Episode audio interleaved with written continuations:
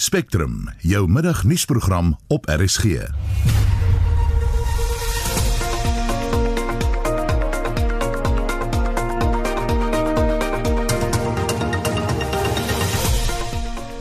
Goeiemiddag en in vanmiddag se program geen besoeke aan familielede en vriende word op vlak 3 toegelaat nie. 'n Vakbond beweer 16 onderwysers het COVID-19 onderlede in die Wes-Kaap.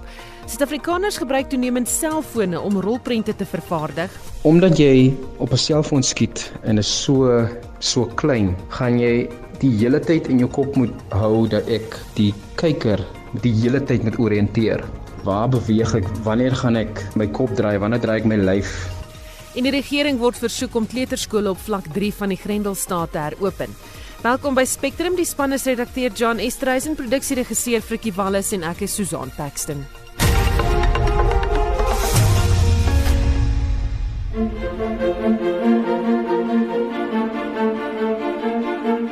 Die Grendeltyd het baie dinge stadiger en moeiliker gemaak. Vir vanjaar se RSG Sanlam radiodrama skryfkompetisie maak ons dit vir jou vinniger en makliker. Jy kan nou jou radiodrama per e-pos indien. Stuur net jou teks en inskryfvorm na radiodrama@rsg.co.za. Dit is radiodrama by rsg.co.za. Die sluitingsdatum is Vrydag 31 Julie. Die nuwe handleiding wat die inskryfvorm insluit, is op RSG se webblad by rsg.co.za onder wat gebeur. Sterkte en lekker skryf. Dis nou 8 minute oor 1 jy luister na Spectrum. Die DA versoek die regering om kleuterskole te heropen in vlak 3 van inperkingsregulasies wanneer hulle kan bewys dat die regte protokol wat sanitasie en sosiale afstand betref ingestel is. Rolspelers in die besluitnemingsproses waarsku intussen dat kleuterskole nie van volgende week af mag heropen nie. Inligting wat verkeerdelik hieroor gedeel is deur verskeie rolspelers is intussen teruggetrek, maar Lenay Forsie het meer besonderhede. Die president van EduXSA, Shamaine Botha, sê inligting wat die ronde doen dat kleuterskole van maandag af mag heropen is verkeerd. Dit is verkeerdelik deur verskeie rolspelers in die bedryf versprei en is intussen teruggetrek. Ons verwag nou 'n aankondiging van die minister rondom dit. Hulle kan nie oopmaak totdat hulle hulle weet waar hulle is en of hulle reg is om oop te maak. Daar moet een of ander protokols wees. So ja, nou is dit 'n vreeslike vreeslike geveg. Dit was glo oor Jacaranda aangekondig, het iemand nou vir my gesê en daar's 'n ding wat in die beeld gedruk is. Die mense by DST op nasionale vlak het gesê ongelukkig as enige iemand hierdie week gaan oopmaak, um, enige kleuterskool eienaar, gaan hulle hulle um, in hegtenis neem en hulle gaan stappe neem en hulle sal baie sterk uh, sleg beboet word. Sy sê die departement van maatskaplike ontwikkeling is bekommerd oor die heropening van die sektor omdat verskeie kleuterskole en dagsorgsentrums nie geregistreer is nie ding wat hulle nou op moet fokus om die skole so vinnig as moontlik oop te kry is om vir die departemente wat daarmee werk presies te laat verstaan waar is ek hoeveel kinders het ek waarmee werk ek dat hulle kan seker maak as hierdie kinders oopmaak net soos um, die onderwysdepartement dat al die protokols en al die goeders in plek is voordat die kinders oopmaak. Daar's 'n 'n nuwe dryf, hulle noem dit die Wungasali campaign. As hulle daarop um, kan let om net te sê ek is hierso Sy is direk betrokke by samesprekings oor die heropening van die skole en sê die departement is aktief besig om saam met ander rolspelers oplossings te soek. Dit is my op hierdie stadium 'n rem onder my hart om te sien dat maar al die kritiek en al die goeters wat mense altyd gooi dat hulle regtig hulle probeer um, en hulle druk net so hard. Hulle verstaan dis nie goed om die kinders by die huis te los nie en dat daar nie altyd die regte toestande is daar nie en dat die kinders veiliger is of selfs kos kry by die kleuterskole so hulle druk van hulle kant af net so hard om die proses deur te kry maar as 'n staatsinstansie en daar is protokols en prosedures Haar voorstel is dat die kinders van ouers wat deel vorm van noodsaaklike dienste eers teruggestuur word kleuterskool toe. Dan kan ons kyk in elke ouderdomsgroep want jy moet weet elke ouderdomsgroep is anders. By jou oudjies wat nou begin om die toilette gebruik, daai wat die potjies begin gebruik, hulle word anders gehanteer as 'n maatjie wat kruip, word anders gehanteer as 'n 4-jarige. En uh, ons gaan moet leer as skole, as kleuterskole en en en kinderinstansies hoe om elkeen van daai ouderdomgroepe te hanteer. Weet ons sê die hele jaar lank vir hulle deel met jou maatjie of onthou as jy iets verkeerd gedoen het, gee jou maatjie 'n drukkie en sê is jammer. Nou ewe skielik mag is daar sosiale distansiering en ons moet klei uitmekaar uithou. Ons weet nie hoe dit in die praktyk gaan werk nie. So vir my, as hulle terugkom in 'n infaseringsfase waar dit net een ouderdomsgroep is, sê dit vir ons niks. Die impak van die inperkingstyd is verrykend. Op hierdie stadium word 6 kleuterskole per dag gedwing om hul deure permanent te sluit. Statisties gewys lyk dit of daar 1.5 miljoen kinders sonder 'n instansie of 'n 'n site of 'n plek gaan wees waar hulle hulle hulle kinders heen sal kan stuur en dan is daar nou baie mense wat hulle werk verloor het honderde duisende op hierdie stadium wat geen inkomste kry wat gekwalifiseer is in hierdie vlak so die inperking het 'n uh, impak gehad op kleuterskole wat niemand kan omskryf of beskryf nie. En ek dink die mense het besef hoe essensieel ons sektor is vir die samelewing. Die mense kan nie gaan werk sonder dat ons hulle maatjies versorg nie. Dit was die president van EduX SA, Shamaine Botha. Sy is nouliks betrokke by die regering se samesprekings oor wanneer kleuterskole heropen mag word. Ek's Marlene Forsheffer, SAK nuus. Die onderwysvakbond SADU sê daar's minstens 16 onderwysers in die Wes-Kaap wat met COVID-19 gediagnoseer is. Volgens die provinsiale sekretaris, Jonathan Rusten, is die vakbond glad nie oortuig dat skole gereed is om Maandag te heropen vir leerders nie. SADU Wes-Kaap is baie bekommerd oor die gereedheid van skole in die provinsie om leerders te ontvang op die 1 Junie. Ons het ook so dusver 16 gevalle van COVID-19 van ons skole geontvang en ons bekommerd oor hoe hierdie gevalle gehanteer is. In party situasies is skole toegemaak en die onderwysers is in isolasie geplaas. In ander gevalle is daar gesê dat daardie hoë risiko is en dat uh, onderwysers teruggekeer het skool toe en net die area waar die onderwyser was skoongemaak is. Ons vind dit onaanvaarbaar. Donovan, nou wat is julle eise aan die departement van onderwys of die regering? Ons wil hê dat daar moet 'n onafhanklike verification proses wees van ons skole om te seker te maak dat ons skole gereed is om beide die onderwysers veilig te ontvang en ook die leerders veilig te huisves. Dit is baie belangrik dat ons die lewens van ons gemeenskap in hierdie proses garandeer want ons wil nie hê dat die verspreiding van die virus 'n groter raak in die Weskaap wat al klaar die hoogste syfers het. Ek dink dat ons moet almal verantwoordelik wees teenoor ons gemeenskap sodat ons kan almal beveilig en nie 'n shortcuts vat om skole oop te maak nie. Ons is nie konwins dat skole gereed is in die provinsie nie en daarom vra ons dat dit heroorweeg word. En het julle enige raad vir julle lede of ouers en personeel? Ons advies vir die lede is dat maak kontak met jou streeksekretaris omtrent uh, enige gevalle van COVID-19 in die skole en ons vra departement om saam met ons streekverteenwoordigers te werk om die gevalle te hanteer. Dit is baie belangrik dat die protokolle reg gehanteer word sodat ons nie ander lewens in gevaar stel nie. Sado Weskaap vra op almal om veilig te wees dat ons hierdie pandemie saam aanpak. En dit was eh, Jonathan Rusten, die provinsiale sekretaris van Sadou in die Weskaap en hy het met Vincent Mofokeng gepraat. Inwoners in die 12 COVID-19 brandpunte wat president Cyril Ramaphosa aangekondig het, sal gewoond moet raak aan meer padblokkades wanneer die land na vlak 3 beweeg.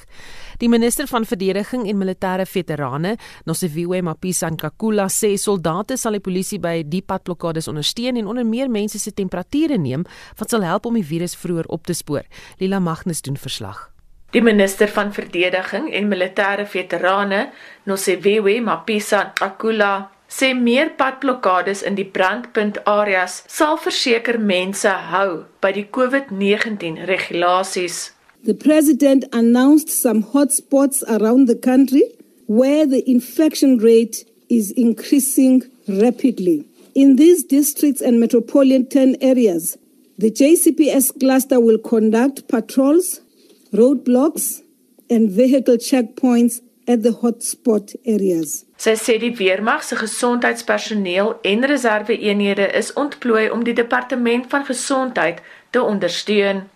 Die hoeveelheid gesondheidspersoneel van die weermag sal toeneem soos die positiewe COVID-19 getalle styg. Primary health care teams have been deployed to all 9 provinces to support the National Department of Health with mass screening and testing initiative.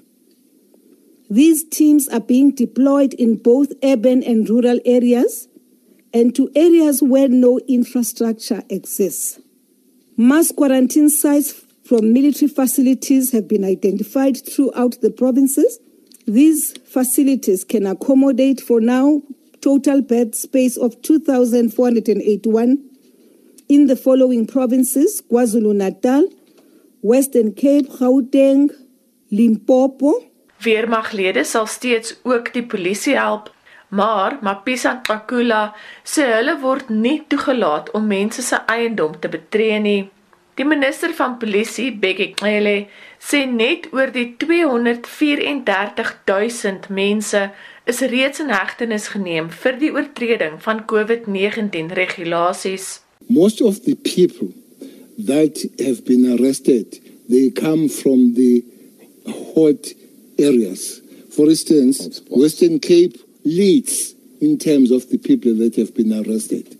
And it also leads in terms of the people that have uh, been affected by the coronavirus. There is a correlation between those people that don't listen and the spread of the virus when you look at the figures here. Hy het gewaarsku dat die verkoop van alkohol tydens vlak 3 nie 'n uitnodiging is vir mense om te sosialiseer nie. Visiting your friends, your your your, your friends, your your peers from Katsi to Katsi, your girlfriends, your boyfriends does not appear. Social visit is absolutely not allowed under level 3. Die howe sal steeds slegs dringende sake aanhoor tydens vlak 3. Sake wat verband hou met korrupsie, geslagsgeweld, moord, roof, aanranding en oortredings van die COVID-19 regulasies val onder dringende sake. Die departement van binnelandse sake sal oop wees om geboortes te registreer, geboortesertifikate heruit te reik, mense te trou en doodsertifikate uit te reik. Mense sal ook aan aansoek doen vir tydelike ID-dokumente. Paspoorte sal slegs uitgereik word vir mense wat essensiële goedere oor grense moet vervoer. Ek is Lela Magnus vir SAIK nuus in Pretoria. Die regulasies wat betref die beweging van kinders tussen ouers wat geskei is, veral uh, verander nie veel op vlak 3 van die staat van inperking nie. Ouers sal steeds die nodige dokumentasie soos, soos vereis op vlak 4 uh, by hulle moet hê as 'n kind tussen ouers skuif. Die senior vernoot van Tron ingelyf in Sandton wat ook 'n familieregspraktisyn is, Shando Tron waarsku egter dat die regulasies wat betref studente wat moet teruggaan universiteit toe wel 'n probleem bied. Die reëls en regulasies soos die verskuif van ouers en ek kyk hier na die uh, lockdown bladsy 5 movement of children dis nou 60 artikel 34 dit blyk of die beweging van kinders maar nog steeds dieselfde is as jy kinders gaan rondry van een ouer na ander nou spraak nou na egskeiding dan gaan jy nog daai hofbevel saam met jou nodig hê of 'n parenting plan of jy weet 'n ouerskap ooreenkoms as dit nou jy in 'n geografiese area is As dit nou 'n verdere geografiese area is, dan moet jy nou spesiale permit by 'n magistraat kry en wat jy nou die geboortesertifikaat moet saamvat as 'n hofbevel is soos 'n egskeidingbevel saamvat en dan moet jy ook 'n verklaring maak dat die adres waarna toe jy die kind gaan vat, daar is nou nie iemand met COVID nie. So daar bly die goed maar nog net dieselfde. Maar ek dink waar nou die nuwe dimensie inkom is nou vir kinders wat nou gaan terug aan skool toe en universiteite. Daar kom nou weer 'n nuwe gros papierwerk wat saam met dit moet gaan. Goed, vertel ons daarvan watse papierwerk is dit? As jy by 'n institusie swat, so kom ons maak dit nou Stellenbosch of of of Tikkies of Wits, dan moet jy by daai institusie 'n dokument kry wat jy nou gaan toelaat om rond te reis en jou dinge te doen as 'n student. Die probleem lê nou ongelukkig by hoe kom jy by die institusie? Jy moet nou van uh, Johannesburg afry Stellenbosch toe want Stellenbosch maak met die oop en jou klasse begin nou weer. Hoe kom jy nou by jou institusie om die dokumente te kry? Nou daar het hulle nou 'n uh, vorm 3A as ek net kyk na die regulasies hierso, 'n vorm 3A en dit sê certificate for learners or students to travel to another province or metropolitan area. En daar is nou nog 'n bietjie papierwerk wat jy gaan moet doen, maar hier is die moeilike deel. Die official stamp aan die onderkant is must be stamped by the head of the school or institution. So as ek nou in Johannesburg sit en ek moet nou Stellenbosch kry om hierdie vir my te stamp. Wil ek nou graag sien hoe dit gaan gebeur. Wat ek gaan doen en wat ek vir my kliënte gaan doen is ons gaan hierdie vorm invul. Ons gaan ek gaan voorlopig my eie stamp daar sit met 'n verklarende skrywe dat as daar enige probleme is, padblokkade moet hulle maar vir my bel ons maar op 'n case to case basis we'll deal with the matters on a case to case basis. En dit was die senior vernoot van Tron ingelyf in Sandton wat ook 'n familieregspraktisyn is, Shando Tron. Die EFF eis dat die parlement so gou moontlik in Pretoria geopen moet word. Die partyleier Julius Malema het tydens 'n virtuele nuuskonferensie reageer op die aankondiging dat die land op 1 Junie na vlak 3 van die Grendelstaat gaan beweeg. Winston Mofokeng doen verslag. Malema sê die parlement is die enigste platform om die uitvoerende gesag aanspreeklik te hou. Since the lockdown, the president and the deputy president have not responded to questions from anyone, not even from the media. And parliament is the only platform where we can ask questions to the president. Malema vra dat banke 'n moratorium van 12 maande instel vir die terugneem van huise en voertuie. Unemployment will soon exceed 50%, and it cannot be justifiable that during a crisis, bank repossess houses and cars of retrenched workers. Government should guarantee the mortgage of ordinary people so as to prevent undue evictions and repossessions of houses during a crisis. Hy versoek dat die verhogings vir die maatskaplike toelaag en die toekenning van die werkloosheidstoelaag permanent ingestel moet word. Government has still not come with a clear plan and strategy on the payment of the 350 per person because millions of unemployed youth who are not in education and training have no bank accounts and these are the poor of the poorest. Malema sê die EFF steun nie die heropening van skole nie behalwe as daaraan sekere voorwaardes voldoen is. A scientific illustration that the spread of the virus has been contained, the curve flattened in South Africa. Guaranteed quality healthcare facility and systems for all schools, guaranteed infrastructure for teaching and learning, including additional classrooms, which could be converted to public halls, mobile classes, and other safe public spaces, which will ensure that teachers to learner ratio is 1 is to 20. Die party sê die plaaslike regeringsverkiesing en die nasionale verkiesing moet gekombineer word. If our proposal is accepted, the 2021 local government election must be postponed to 2024 and held together with the provincial and national elections. In our proposal, we will clearly articulate that all dysfunctional municipalities under administration must go for election in 2021 for a term that will finish with the rest in 2024. Dit was die leier van EFF, Julius Malema. Die verslag deur Nomalizo Mandela. Ek is Vincent Mufokeng vir SAICanis. 800 polisielede het COVID-19 opgedoen terwyl hulle in die staat van inperking aan diens was. Die Suid-Afrikaanse Polisie Vakbond SAPO sê sy lede is blootgestel aan die gevare van die virus terwyl die leierskap van die polisie nêrens te sien is nie. Die president van SAPO, Mpho Konika, sê die regering moet meer doen om polisielede se gesondheid en veiligheid te verseker in die tydperk. It's a very trying job, uh, a very difficult one. But uh, we have taken an oath of office to serve the interests of the state and to serve the South Africans, their lives and properties. And uh, you will always find us everywhere where the government wants us to be. But what we need from government, state, is full protection during this time. When everyone is told to go and work from home, and when everyone is told to get out of the streets so that we flatten the curve on the spread of this virus, the police and other peoples who have been identified as essential service renderers are required to be on the street to fight this invisible enemy. Quinika sê daar staan 'n botsing tussen polisiebeleid en die regering se beleid wat betref watse tipe gesigmaskers nou gedra mag word. The government have indicated that we need to get away from the surgical masks and we must use the cloth masks. You might be seeing a lot of surgical masks uh, rather than the, the cloth masks. We have been supplying and there are other people who are willing to do that. Because of the police protocols, we are, are unable to provide the cloth masks to our policemen and women. But I'm happy that some of them have taken the cloth masks that we have given to them and they're utilizing them. Quinika sê verder dat die dra van gesigmaskers ook kommunikasie met die publiek bemoeilik. Not only to police huge gatherings and all that because that is very minimal at present moment, but we do see some people who are not happy having some small protests and all that. But it is very difficult for for detective services work. You know that we have got what we call the ID parades. We refer to it in policing language SAP 329s. It is very difficult to take people to go through the ID parades because of the wearing of the masks. It becomes very difficult for people who are the victims of crime, crimes committed by people who have been wearing masks, to identify them at the ID parade. Very difficult. There.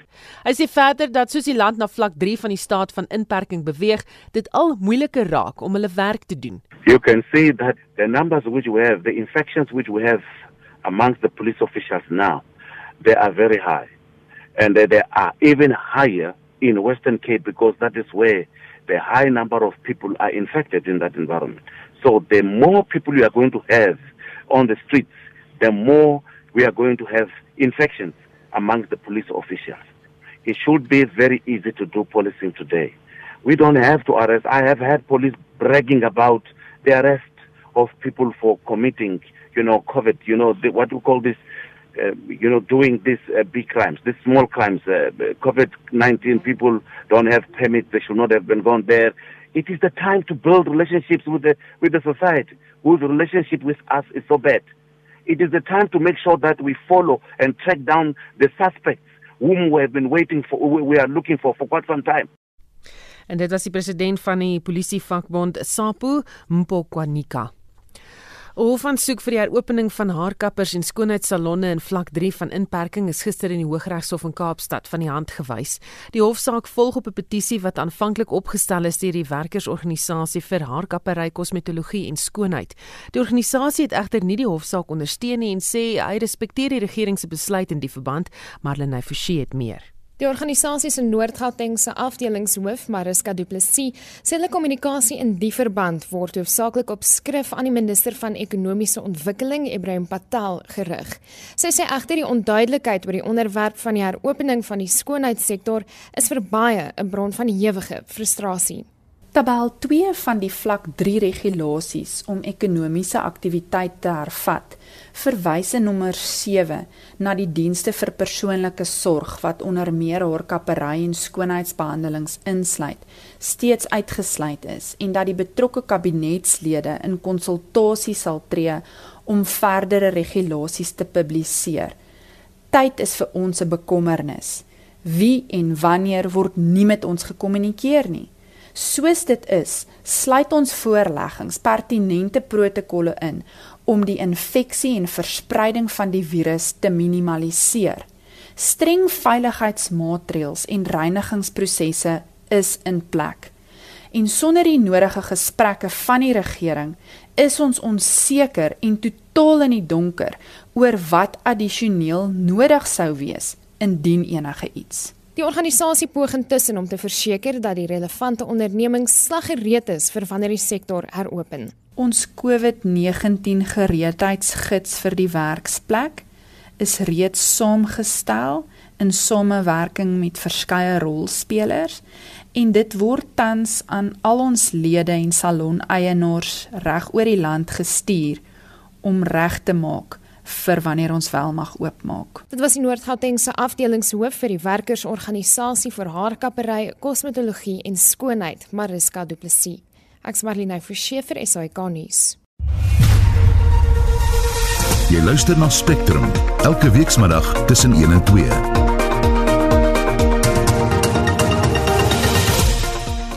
In die program Universiteite maak gereed om stelselmatig te heropen vanaf die 8ste Junie.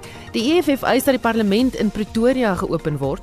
Since the lockdown, the president and the deputy president have not responded to questions from anyone, not even from the media. En 'n nuwe parasietspesie in paddas kry 'n besonderse Suid-Afrikaanse naam. Onthou vorige uitsendings en vandag se program is beskikbaar op Potgooi. Gaan net na RSG se webblad www.rsg.co.za.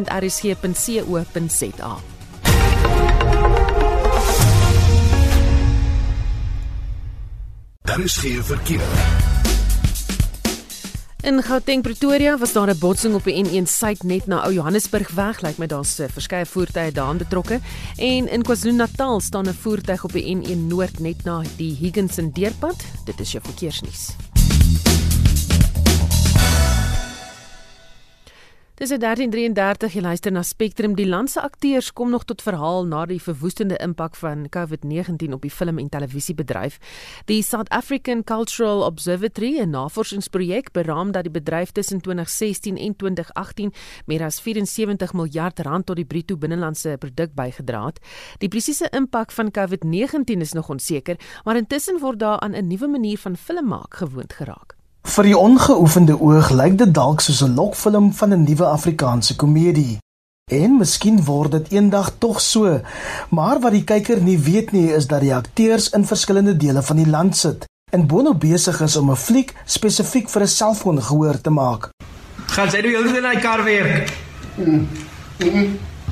Dit was nog by mekaar 'n ander projekkie. Ja? Gaan ons nou die agterkamer in 'n saanroom kry. O, ja. Ja, so niks dan as jy hier kom, het ons 'n saanproef room om te maak en breek net soos ons wil. Luister kyk. Wat jy seker oor die hele lockdown move ek min maar 21 dae met bro van alles deel. Bed, badkamer, huistyd, alles. As hy is in is, is dit in. Nou weet oor aan. Hy is reeds die ding. As ek in is. As ek in. Ja. Solank jy net die reverse gear getee, okay? Noksie. My gearbox is geolie, nee. Aan die woord is die bekende akteurs Brendan Daniels en Theodore Jantjies. Hulle skiet tans aan 'n nuwe internetfliek van die regisseur en SAFTA benoemde TV-skrywer Ricardo Arendse. 'n Filmprojek wat aanvanklik as tydverdryf tydens die COVID-19 inperking begin is. Maar nou wat toe as net tydverdryf begin het, het toe vinnig in 'n volwaardige projek verander. Ek het ook toe nou baie lus geraak vir die dinge en ek het my eie groepie akteurs bymekaar gekry en vir hulle 'n storie gepitch. Nie regtig waar geweet waaroor die storie gaan nie, maar ek het 'n begin gehad en ek het 'n bietjie van 'n einde gehad en hulle het ingekoop. En soos ek geskryf het, het ek die tonele uitgestuur na die akteurs toe hulle dit opgeneem teruggestuur en ek is convinced dat hierdie 'n nuwe manier van film maak is. Vir die eerste keer sien ons dat jy nie in dieselfde stad of in dieselfde huis of in dieselfde dorp of uh, jy weet in dieselfde straat waar ook al om 'n film te skiet nie. Die land se film en televisiebedryf is 5 weke lank tot stilstand geruk weens die aanvanklike koronavirus inperkingsregulasies. Arendse sê die bedryf het 'n trein van voorspoed gery totdat COVID-19 sy kloue ingeslaan het. Ons sien dat teaters hulle deure moes sluit en die deure is steeds gesluit. 'n Hele feeskalender vir Suid-Afrika is afgeskaf en plaaslike films word nou eers maar weer verfilm en sepies word nou weer geskiet. Maar daar is nog steeds 80% van die bedryf wat onseker is van waar 'n penny vanaand sal kom die jaar. Maar net soos baie sangers, het tientalle akteurs ook speel speel die moontlikhede van digitale filmproduksie begin ontgin. Jantjies wat 14 jaar lank die rol van Zander Myntjies in die SABC 2 CP7 laan vertolk het, beskryf dit as 'n tegnies uitdagende, dog bevredigende innovasie. As die akteur gaan jy daai tonele oor en oor en oor en oor moet lees, notas maak tot daar images in jou kop kom soos jy visualiseer die hele tyd die toneel. Ek maak sekere besluite. Okay, cool, dis wat ek daar gaan speel. Daar gaan ek 'n dramatiese moment speel. Daar gaan ek langer vat om in te kom met dialoog. Dan as regisseur, omdat jy op 'n selfoon skiet en is so so klein, gaan jy die hele tyd in jou kop moet hou dat ek die kyker die hele tyd moet oriënteer Waar beweeg ek? Wanneer gaan ek my kop draai? Wanneer draai ek my lyf? Het ek die regte klere aan? Is my beligting van so 'n aard dat dit die skadu's gooi op my gesig en so aan nie. So lekker uitdagend, maar ek love elke oomblik daarvan. Die groot vraag is of gehore en adverteerders bereid sal wees om uiteindelik daarvoor te betaal. So as jy vir my vra of die publiek daar buite, jy weet, 'n appetite vir online movies natuurlik. Ons sien dit deur Netflix, ons sien dit deur Showmax, ons sien dit deur die gebruikers se tyd wat hulle spandeer op YouTube en op, om daai video's te kyk. Die een ding wat in ons pad staan is die hoë datakoste. As dit op 'n manier afgebring kan word, dan sal ons spoedig wegbeweeg van die normale manier van televisie kyk. Wie weet, dalk word selfoonflieks en digitale filmprojekte nog binnekort die nuwe normaal. Daniels wat bekend is vir sy rolle in verskeie flieks, televisiereekse en verhoogstukke, geniet dit intussen om nuwe vaardighede te kan sluip. So alhoewel dit uitdagend is, is dit ook verrykend en ek dink dit sit maar net in die mens. As hy homself in 'n posisie bevind, dan skop die oorlewingsaspek in en dan vind jy maar maniere. En ek het gevind dat ek ten spyte van die uitdagings of as gevolg daarvan, het ek my nogal verbaas in terme van oopmaak vir nuwe ervarings. En dan sien ek uit na die finale produk. Die bekroonde akteur Brendan Daniels en ek is Iver Price vir SAK nuus. Navorsers wat 'n nuwe parasietspesie in paddas ontdek het, het besluit om dit 'n baie ongewone naam te gee. Dr Edward Netherlands van die Noordwes Universiteit se departement dierkunde het op die nuwe parasiet af in paddas afgekom en omdat die parasiet soos boerewors lyk, dit ook sommer so genoem. During my PhD study, we uh, I work on blood parasites, different blood parasites in frogs. So um, they range from parasites that are very similar to malaria And the specific one that we're talking about is a, a, like a blood nematode or worm. And most people can relate to heartworm that you find in dogs. It's a very similar type of parasite to, to heartworm in dogs.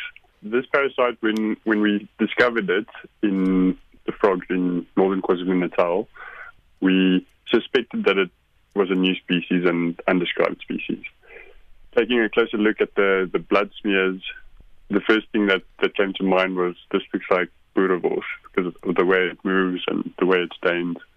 And my Ukrainian colleague who helped me with this species description, um, we just referred to it always as Boerewors um, when we were just talking about the, the parasite in general.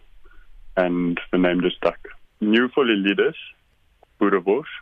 So the first part is the um, the genus name, and we also described a new genus. Yeah, so this was the first record for South Africa, and we described a new genus and then as the new species. Hy verduidelik dat die parasiet net in paddas voorkom en deur muskiete oorgedra word. It seems like it's quite specific to amphibians, so people and other animals won't necessarily get infected by it. But with this study, one of the most interesting things was we also tried to work out the life cycle. And we found mosquitoes feeding on the frogs. And then we completed the life cycle with those mosquitoes. So actually, the mosquito feeds on the frog, it takes a blood meal, the worms get taken up by the mosquito, and the life cycle completes itself within the mosquito. And then after a few weeks, that mosquito feeds on another frog and the worms are then transmitted to, to that frog, and then they grow into adult worms. They're quite big at the end of the day, um, a few millimeters long, so you can see them with the naked eye in, in the frog. En dit was Dr Edward Netherlands van die Noordwes Universiteit se departement dierkunde. Universiteite landwyd maak gereed om stelselmatig te heropen vanaf die 8ste Junie. Klasse word egter steeds hoofsaaklik aanlyn aangebied en slegs 'n bepaalde groep studente word volgens wet toegelaat om terug te keer. Marlene Forsie het meer besonderhede. Die direkteur van korporatiewe kommunikasie aan die Noordwes Universiteit, Louis Jacobs, sê klasse gaan steeds tot 'n groot mate aanlyn aangebied word. Dit is ook afstandsleer. Alhoewel die universiteit van die standpunt af uitgaan dat ons geen student wil agterlaat in ons pogings om om, 'n suksesvolle 2020 akademiese jaar daar te stel nie. Sit jy nog steeds met studente wat wel probleme het om te konnekteer met ons aanlyn onderrig leerplatform, studente wat in omgewings is waar daar byvoorbeeld glad nie eens elektrisiteit is. Maar selfs hierdie studente het die minister ons toegelaat om onder vlak 3 in aanmerking te neem.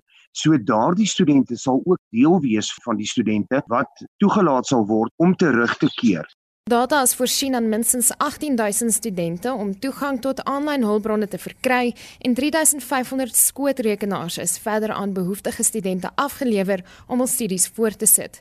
Hy sê dan sal daagliks aan die nodige vereistes voldoen word. Studente sal getoets word alle studente, alle personeel, alle besoekers aan die universiteit. Die protokolle rond rondom higiëne en sosiale afstand, al hierdie moet nagekom word. Daar is ook verpligte opleiding wat aan studente verskaf sal word vir die wat wel mag terugkeer om seker te maak dat hulle hieraan voldoen.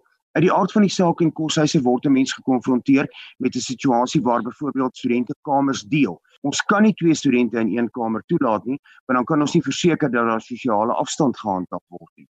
Dit was die direkteur van korporatiewe kommunikasie aan die Noordwes Universiteit, Louis Jacobs. Martin Viljoen, die woordvoerder van die Universiteit Stellenbosch, sê voorbereidings is reeds getref om die relevante studente op kampus te ontvang. Aanvanklik sal studente wat wel die groen lig gekry het om terug te keer, slegs in gebou hoef te wees vir praktika wat nodig is om hulle kursusse te voltooi.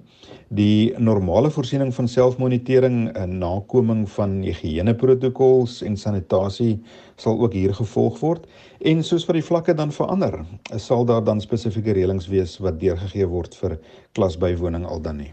Streng protokol sal ook in verblyfsgeriewe geld. Net soos wat uh, fisiese afstand in die akademiese geboue om veiligheidsredes gehandhaaf moet word, sal dit ook vir koshuise geld. Die universiteit sal groeperings van studente formeel uitnooi om in fases uh, terug te keer na koshuise. Die beplanning is om vir die afsienbare toekoms uh, etes in die koshuiskamers af te lewer, soos tans die geval is. Aanlyn onderrig is volgens hom goed opdreef. Via die verskillende selfoondiensverskaffers kry studente gratis toegang tot die universiteit se leer- en onderrigplatform Sunlearn. Om dit verder vir studente moontlik te maak om volledig by te hou met akademiese werk, het die universiteit ook 'n selfoon data bundles gekoop wat gratis aan studente beskikbaar gestel word in Mei en Junie. En verder is nagenoeg 1500 skootrekenaars tuis by studente afgelewer. Dit was Martin Viljoen, die Universiteit Stellenbosch se woordvoerder. Die Universiteit van die Vrystaat se rektor, professor Francis Petersen, sê sosiale distansiering sal streng gehandhaaf word in die betrokke lokale.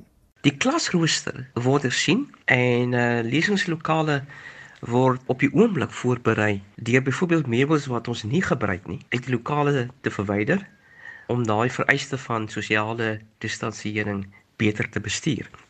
So sosiale distansiering sal ook deur middel van etikette bestuur word deur in lesingslokale aan te dui watter sitplekke byvoorbeeld studente nie mag gebruik nie.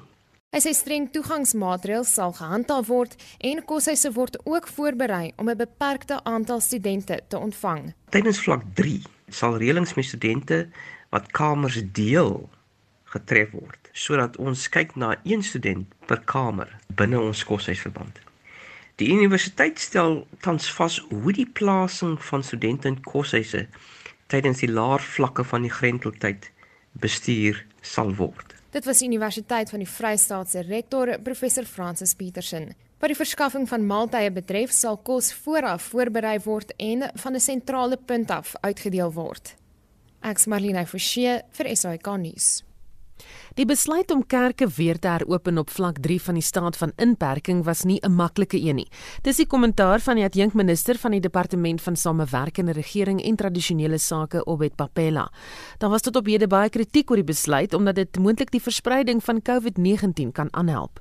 Well, it, it was a very, very difficult uh, decision, and there was a lot of talks for almost for two full weeks of engagement with, uh, between the church leadership and the government. Finally having to come with this little window opening that has happened for them to have 50 people in a church, social distancing, wearing masks, uh, sanitizing at the entrance when people arrive, or washing of hands. But the biggest victory, obviously, is the spiritual counseling the healing that the, the at least all the priests will have it would be regarded as essential services to go and help the, those in need. And then when there's bereavement, when somebody's critically ill, they just need that man of God to be there and then and then counsel them. And I think it's a window opening. But I've seen that other big churches say they're not going to open. It's not worth it to have 50 people in a big hall that takes 3,000, 2,000, 4,000. And the smaller churches will suffer in terms of social distancing because if the venue is small, it means they must keep to the minimum 10 or 20. Uh, they may not even have 50 because then that will be breaking the law. Bapela sê mense moet steeds baie versigtig wees as hulle besluit om wel 'n kerkdiens by te woon. We definitely have to avoid in Texas in the US they just open on Sunday and then the priest got the virus and then within 2 days 3 days the priest is dead now. Other congregations are now under treatment in quarantine sites. It's not nice. It's not good. And I just hope, therefore, that the church leadership and the religious leadership as a whole, because it's an interfaith element, will definitely have to take extra caution. We're entering the worst scenario winter. June, July are going to be the most difficult months. The virus is still with us. It's not yet over. And we are already predicting the worst scenario emerging where many people are ill, many people are dying. And therefore, it's up to us to prevent the spread now. And if you don't have to open a church, you don't have to open it. Just a window that has been given so that we don't we are not seen as government discriminating religion. Intussen het die organisasie British American Tobacco South Africa of BATSA aangekondig hy gaan voort met regsaksie teen die regering oor sy besluit om die verbod op die verkoop van sigarette in plek te hou. Die nie-regeringsorganisasie Vita het intussen aangekondig dat hulle saak oor die kwessie op 'n dringende basis in die Hooggeregshof in Pretoria op die 9de en 10de Junie aangehoor sal word. Papella hou voet by stuk dat die regering se besluit om die verbod op die verkoop van tabakprodukte in plek te hou gegrond is op wetenskaplike navorsing. The World Health Organization gives countries guidelines. And one of the guidelines that they give to all countries, and it's up to the country to take it or not to take it, is that cigarettes has an impact on lungs. The disease COVID-19 coronavirus, as we deal with it, it attacks the lungs once it can find a space of entering your body. So now, you don't want you to be found with weakened lungs when the virus comes for you. And I think it's more a health issue. If you were to choose between health and money, I'll choose wealth. Where, uh, I mean, I'll choose health because you leave people that love you dearly. You leave your children. You leave your own uh, siblings. It's not nice to die. So if we can only sacrifice, it's a personal sacrifice that the cigarette does have an effect, impact on the lungs, an effect on the lungs. Only people can understand that.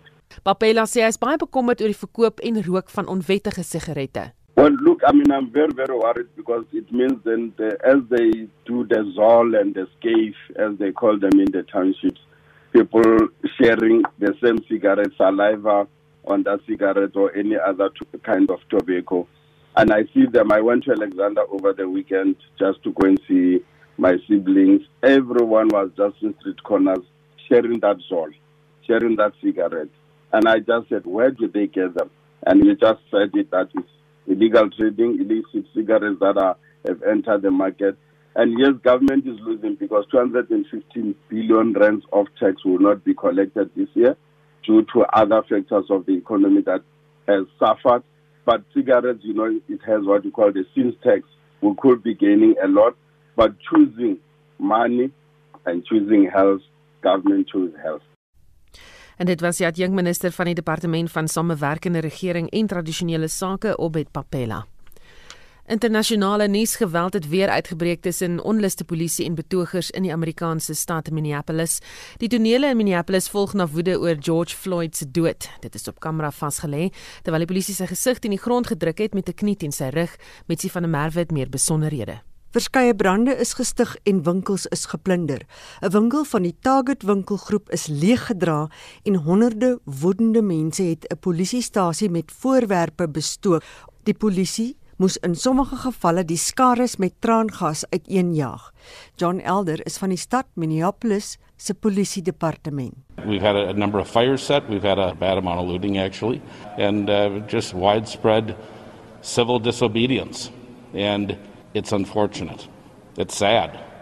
If people are there, truly there, to honor the memory of the decedent in the family, this isn't how you do it. Die video van die voorval is wyd versprei met Floyd reeds geboei vir 'n nie gewelddadige oortreding en op die grond vasgedruk met 'n knie agter sy kop terwyl sy krete om hulp duidelik gehoor kan word.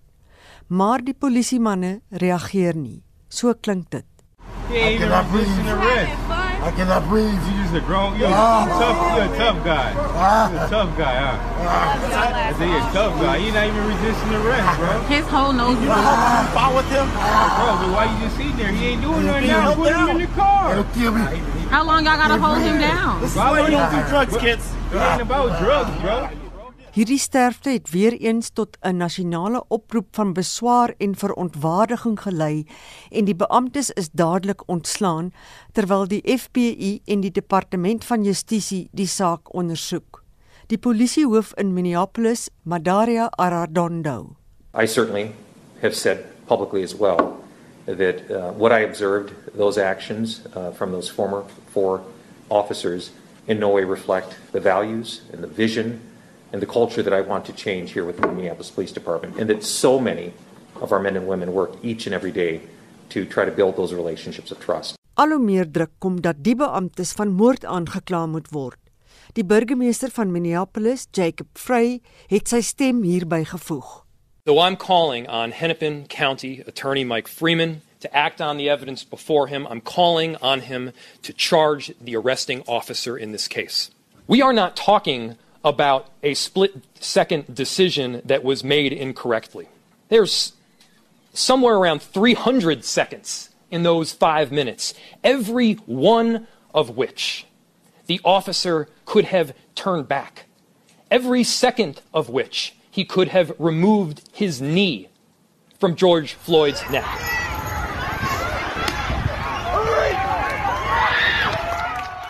President Trump het Floyd se dood op Twitter as hartseer en tragies bestempel en gesê dat hy gevra het dat die ondersoek vinnig afgehandel word terwyl hy beloof het dat geregtigheid sal geskied.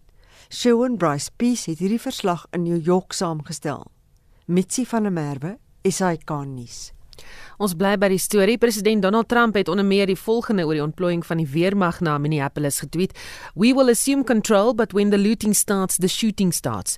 Die tweet ontlok kritiek of ontlok eerder kritiek uit alle oorde en Theo Venter, verbonde aan die Noordwes Universiteit se besigheidskool, het so gereageer. Twitter het reeds hierdie tweet van hom in die agtergrond geskuif. Nie weer die feitelikheid daarvan bevraagteken nie, maar minstens net moeiliker toeganklik gemaak.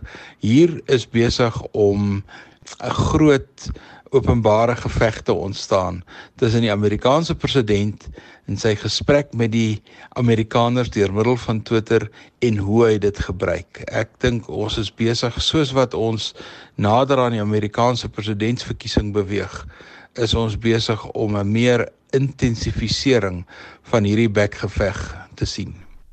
Dit was die Venter verbond aan die Noordwes Universiteit se besigheidskool. 'n Nuwe verslag wat deur die Departement van Dierkunde aan die Noordwes Universiteit uitgereik is, toon dat Suid-Afrika minder plastiek in die see mors as wat voorheen gedink is. 'n Meestersgraadstudent aan die departement wat die outeur van die verslag was, Karina Verster sê, dis belangrik om vas te stel waar die plastiek wat in die see beland vandaan kom en die hoeveelheid om 'n oplossing vir die besoedelingsprobleem te kry dit gaan oor ons weet dat plastiek in die oseane 'n groot probleem. Ons het al almal die video's gesien van die walvisse wat die plastieksakke in het en die strootjies in die skilpaaie se neuse. So ons probleem is waar kom dit vandaan? En ons weet dit kom van mense af, maar waar presies gaan dit in die oseane en wat kan ons doen? Waar kan ons ingryp om iets daaraan te doen? En dis half die kruks van die vraag. So dit is die CSIR wat 'n uh, groep wetenskaplikes saamgekry het in Suid-Afrika wat op plastiekbesoedeling werk om te kyk na verskillende fasette van oseaniese plastiekbesoedeling. En ons taak was om te kyk na hoe kom dit in die see? So ons praat van sources and pathways of marine plastics. So wat ons nou gekyk het is waar op land begin die plastiek en hoe kom dit in die omgewing in en hoe eindig dit dan op die ount in die see? Wat het julle gevind? Daar's 'n studie wat in 2017 gepubliseer is deur Jambek en ander wetenskaplikes internasionaal wat gekyk het na elke land se bydrae tot marine plastiek en um, hulle het die lande rangskik volgens lande van van die meeste tot die minste en ook 'n beraming vrygestel van hoeveel plastiek daai lande in die see vrystel. En Suid-Afrika is op daai lys 11de geplaas en hulle het gesê ons het tussen 90 en 250 000 ton plastiek wat ons per jaar in die see vrystel. En dit is op baie rowwe data gebaseer. En wat ons gevind het, ons het die State of Waste Report wat in 2018 vrygestel is vir Suid-Afrika gebruik daai data En ons het gevind dat ons 6 keer minder plastiek vrystel per jaar as wat die Jambek studie oor aanvanklik gedink het. So ons het gevind dat Suid-Afrika tussen 15 en 40000 ton plastiek per jaar in die see vrystel wat omtrent 6 keer minder is as wat ons aanvanklik gedink het. En alhoewel hierdie nog steeds baie is, is dit 'n bietjie meer realistiese syfer wat ons dan nou sou kan weet waar dit vandaan kom en wat om volgende te doen. Waar presies kom ons plastiek dan vandaan wat uiteindelik in die see opeindig? So waar plastiek vandaan kom is maar van die land af. Meeste van dit kom van die land af. Daar is wel bronne wat in die see vrygestel word van die visserskepe en ander marine aktiwiteite stel ook plastiek in die see vry, maar baie daarvan kom van die land af en dit is nogal 'n redelike groot debat, maar ons het gevind dat die kusbevolking so rondom 50 km van die kus af die riviere van daai areas staan nog redelik baie plastiek in die see vry en dit kan ons sien rondom die ooskus na groot storms rondom Durban. Die probleem is die plastiek wat aanvanklik in die omgewing opeindig. So of dit nou in die see opeindig of nie, daai plastiek wat ons produseer, wat selfs die wat nie in die see opeindig is nie, is vir ons 'n probleem want dit gaan of op ons land opeindig of in ons riviere.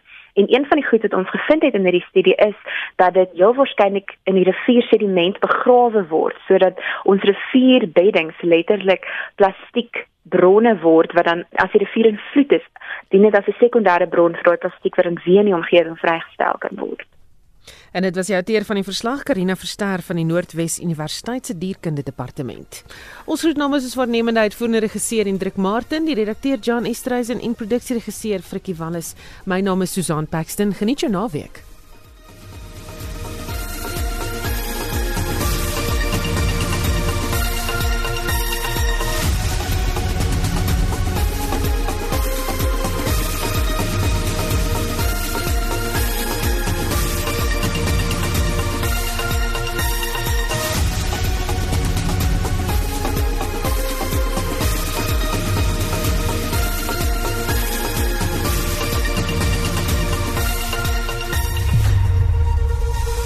SAK nuus.